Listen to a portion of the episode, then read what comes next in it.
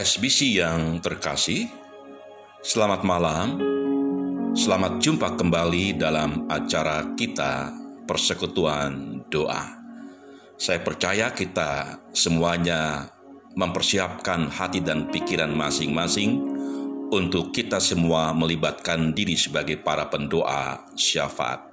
Mari kita datang dengan iman percaya kita kepada Kristus Yesus Tuhan kita dan mari kita akan berdoa terlebih dahulu. Bapa Sorgawi, Bapa yang mengasihi kami, Bapa dalam nama Kristus Yesus, kami mohon pimpinan Tuhan sepanjang ibadah persekutuan doa ini berlangsung. Berikan kepada kami satu kerinduan yang mendalam untuk tetap berperan sebagai para pendoa syafaat. Mari Tuhan berkati setiap pribadi yang berkenan mengikuti acara ini dan biarlah kami boleh melakukannya dengan mata yang tertuju hanya kepada Tuhan saja. Dengan menaikkan pujian dan syukur, kami angkat doa ini dalam nama Tuhan Yesus Kristus. Amin. SBC yang terkasih, renungan kita pada malam hari ini mengambil judul Siap Menjalani Tatanan Baru New Normal. Mungkin ada di antara kita yang masih ingat perdebatan pada masa-masa awal diterapkannya kebijakan beribadah secara online di rumah masing-masing karena adanya pandemi COVID-19. Begitu kerasnya perdebatan tersebut sehingga kadang-kadang ada saling menghakimi pada saat itu ada kelompok yang tidak setuju dengan kebijakan pengalihan ibadah gereja secara online dengan alasan bahwa iman bisa mengalahkan virus corona dan hanya orang yang imannya lemah saja yang takut beribadah di gedung gereja. Sementara ada juga kelompok yang setuju dengan pengalihan ibadah gereja di rumah masing-masing secara online dengan alasan yang paling banyak adalah bahwa beriman saja tidak cukup tetapi harus diiringi dengan sikap yang bijaksana.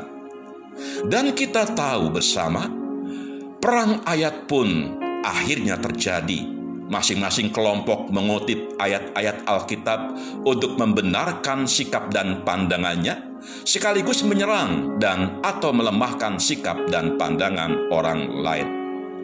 Bagi kita, perbedaan pendapat merupakan suatu hal yang wajar, hal yang justru perlu dipelihara dengan baik, sehingga melaluinya kita dapat saling belajar dan saling menghargai. Pertanyaan yang perlu kita renungkan dari dinamika seperti itu adalah apakah sikap dan pandangan kita sungguh-sungguh lahir dari refleksi mendalam akan nilai-nilai kehidupan yang seharusnya diwartakan dan dihidupi oleh gereja di dunia. Apakah perbedaan pandangan seperti itu dapat menolong kita dan sesama untuk menghadirkan kehidupan yang lebih baik di dunia ini? Sudah tiga bulan lamanya kita melewati masa-masa yang sulit karena pandemi COVID-19. Begitu banyak cerita yang meresahkan, begitu banyak ketidakpastian yang sedang kita hadapi, yang menghantui kehidupan kita selama beberapa bulan, dan mungkin saja selama beberapa tahun ke depan. Pandemi ini belum selesai Sampai hari ini belum ditemukan vaksin yang cocok untuk meredam COVID-19, tetapi tidak mungkin kita berada di rumah untuk waktu yang lebih lama lagi terus-menerus. Tidak mungkin kita tidak beraktivitas kembali. Kita harus realistis, sebab jika tidak, bukan virus corona yang akan membunuh kita, melainkan ketakutan. Apalagi jika berkaitan dengan soal kematian, kita bisa mati di mana pun serta dalam situasi dan kondisi apa pun, karena kematian itu hal yang pasti. Itu sebabnya, mau tidak mau, kita harus siap menjalani kehidupan kita kembali, harus beraktivitas kembali, siap untuk beradaptasi dengan tatanan kehidupan yang baru atau dikenal dengan istilah asing the new normal. Pertanyaannya adalah bagaimana kita menjalani kehidupan dengan tatanan yang baru itu sementara bahaya COVID-19 masih terus mengancam. Ada berbagai hal yang perlu kita siapkan dan biasakan, mulai dari kebersihan diri, cuci tangan, pakai masker, jaga jarak, dan lain sebagainya. Jika kita melakukannya dengan disiplin dan bijaksana, itu dapat menolong kita walaupun kita tetap beraktivitas. Tetapi jangan lupa penting juga untuk tetap memelihara dan meningkatkan imunitas tubuh kita. Semua hal itu harus kita lakukan secara seimbang dan dengan penuh kesadaran untuk menghadapi COVID-19 sambil tetap beraktivitas dengan tatanan yang baru. Kita memang harus tetap bersikap waspada, tetapi jangan terlalu dikuasai oleh ketakutan, sebab justru ketakutanlah yang berpotensi untuk membunuh kita sendiri. Jangan sampai kita mati konyol karena dikuasai oleh ketakutan. Jangan sampai kita mati konyol karena paranoid. SBC yang terkasih, dengan sikap waspada, disiplin menjalani protokol kesehatan, dengan menjaga imunitas tubuh kita, serta ada hal lain yang juga sangat vital bagi kita, yaitu dengan iman percaya kepada Kristus Tuhan kita. Mari kita siap menjalani tatanan hidup baru di era new normal. Dengan iman, kita memiliki semangat ilahi untuk mampu menjalani kehidupan di tengah-tengah kesulitan dan ancaman karena pandemi COVID-19 dan dengan iman kita berani menghadapi tantangan sesulit apa pun sebab kita percaya bahwa Tuhan selalu menolong dan menyertai kita. Kita memiliki dasar Alkitabiah untuk itu. Dalam 1 Korintus pasal 10 ayat 13 dikatakan demikian. Pencobaan-pencobaan yang kamu alami ialah pencobaan-pencobaan biasa yang tidak melebihi kekuatan manusia. Sebab Allah setia dan karena itu ia tidak akan membiarkan kamu dicobai melampaui kekuatanmu. Pada waktu kamu dicobai, ia akan memberikan kepadamu jalan keluar sehingga kamu dapat menanggungnya. Ayat ini dapat menjadi penghiburan sekaligus penguatan bagi kita untuk terus menjalani kehidupan walaupun saat ini kita sedang dihantam oleh badai kehidupan yang luar biasa yaitu pandemi COVID-19. Marilah dengan iman kita siap menghadapi perubahan-perubahan di dalam tatanan hidup yang baru bukan dengan ketakutan. Kita membutuhkan iman yang berakal sehat dan dihidupi dengan kerendahan hati. Dengan iman yang seperti ini, kita akan mampu bertahan hidup di tengah-tengah kesulitan dan bahaya yang setiap saat mengancam kita.